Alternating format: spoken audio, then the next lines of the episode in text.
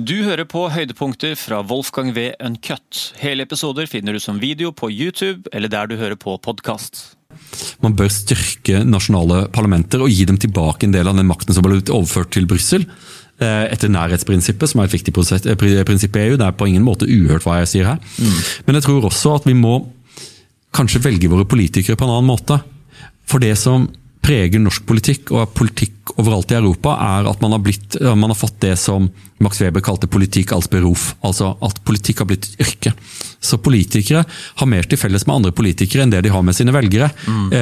De færreste politikere på Stortinget har hatt noen annen jobb enn å være politiker.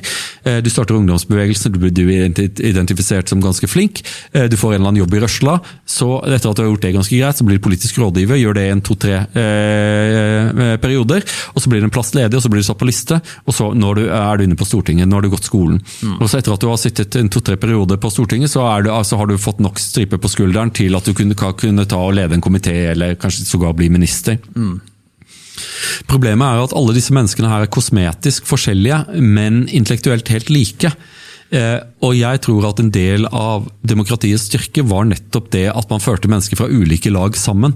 Eh, og jeg tror at det er nødvendig i alle demokratier å se til at parlamentet på en eller annen måte representerer de menneskene som faktisk bor i landet, ikke en, en idealgruppering av de flinkeste studentene på sosiologi ved landets ledende universitet.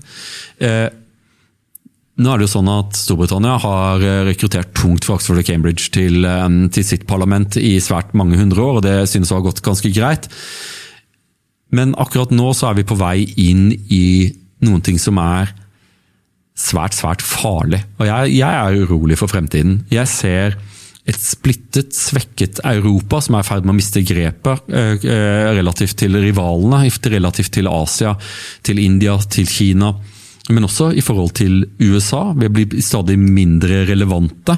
Klynger oss til fordums prakt og, og ideen om at vi er, de, vi er Aten i forhold til amerikanernes Roma. Det er vi ikke. Vi er i ferd med å bli fullstendig irrelevante. Eh, Samtidig som at våre land, stater, har blitt stadig mer uregjerlige pga. at man prima facie har bestemt at det er en del, gruppe, en del mennesker som stemmer på partier som ikke vi vil, vi eh, skal, skal representeres, all den tid, selv samtidig som at disse partiene er lovlige. For vanligvis er det jo sånn, det sier jeg også til mine svenske kolleger i Nobelstiftelsen, at hvis dere ønsker å diskriminere Sverigedemokraterna, så er det jo veldig enkelt, det er bare å gjøre det forbi partiet. Ja, kan jo ikke gjøre det, sier de. Ja, men, da, men det, er- det er bare to regler. Det er Enten så behandles man som et legitimt, legalt parti, eller så gjør man ikke det. Det er ikke noe tvang til å samarbeide, men man skal holde på den gode tone.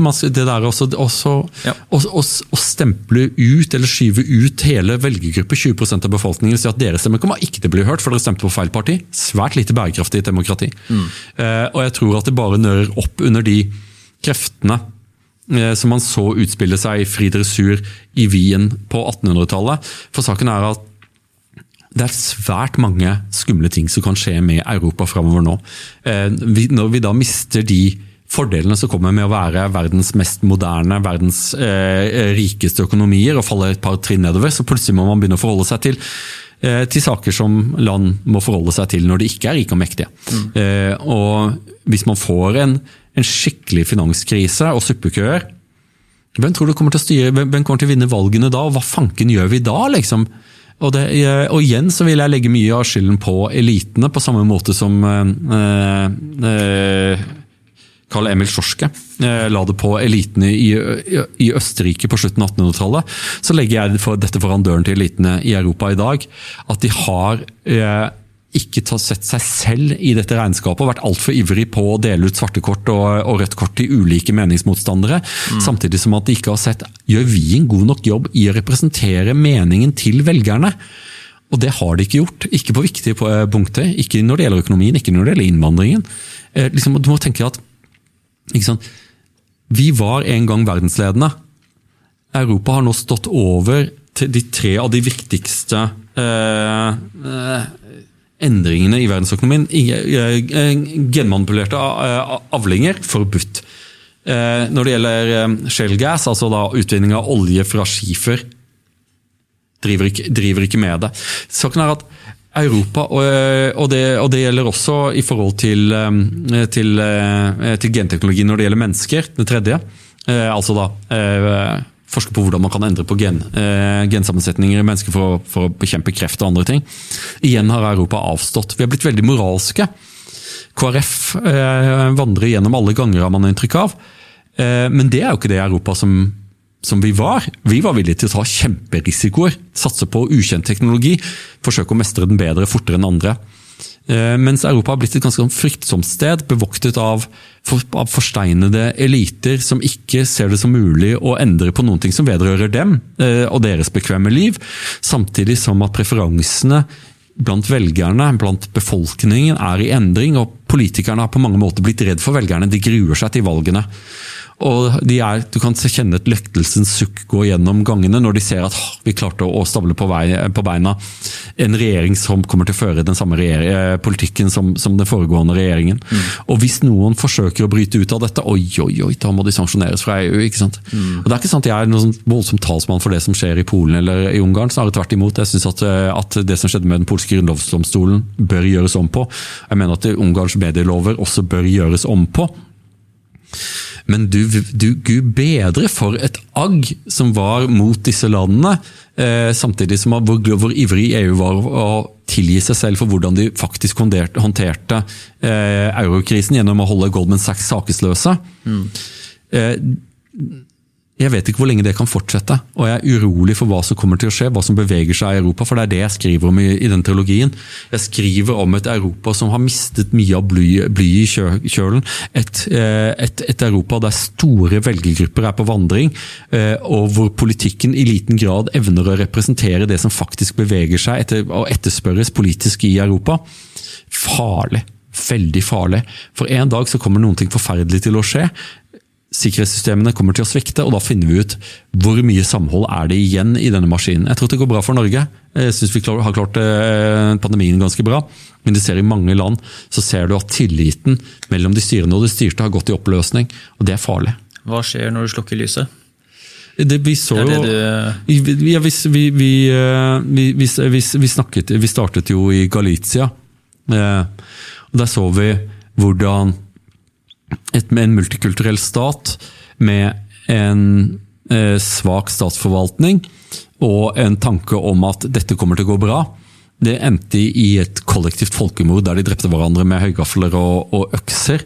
Eh, et, en sånn fiesta av intoleranse og hat som bare hadde fått vokse fram mellom grupper som angikk hverandre, men ikke omgikk hverandre. Eh, jeg, jeg, tror ikke at, at massemord er noe som ligger foran, eh, foran, oss, men jeg tror Jeg frykter at det kan koste oss demokratiet. Liksom når du ser i verden, så ser du at de siste tiåret har vært etter en eksplosjon i antall demokratier på 1990-tallet med slutten mot den kalde krigen, så har demokratiet kommet i store vansker i global skala. Bare 8,3% av verdens befolkning lever ifølge The Economist Democracy Index i fullskalademokratier. Vi lever i ett av dem, men det blir stadig færre, du. Eh, og det er vondt å se hvor lett et land som f.eks. Venezuela kastet av seg det imperfekte demokratiet de hadde, og valgte du å bytte det ut for, med diktaturet og må nå lide konsekvensene.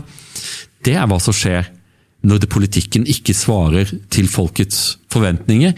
Du bare legger til rette for at folk, en, krise inntreffer, og så stemmer folk på et radikalt alternativ uten til fulle å forstå hva den liberale orden faktisk leverer. Og det gjør den jo, den liberale verden, eh, liksom med sin menneskerettigheter og sin rettsstat og sitt demokrati og sin markedsøkonomi.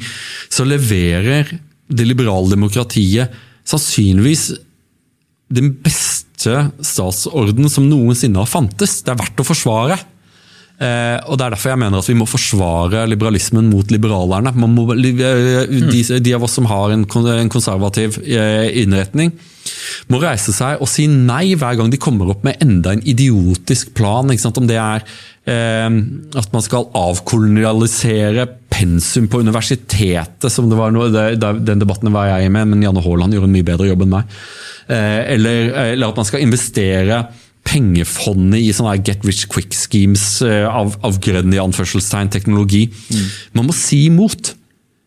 Uh, og enn så lenge så fungerer det sånn halvveis, men jeg er urolig. Men det er jo noen ting som alltid konservative vil være. Vi er alltid urolig for at en stor synd er blitt begått.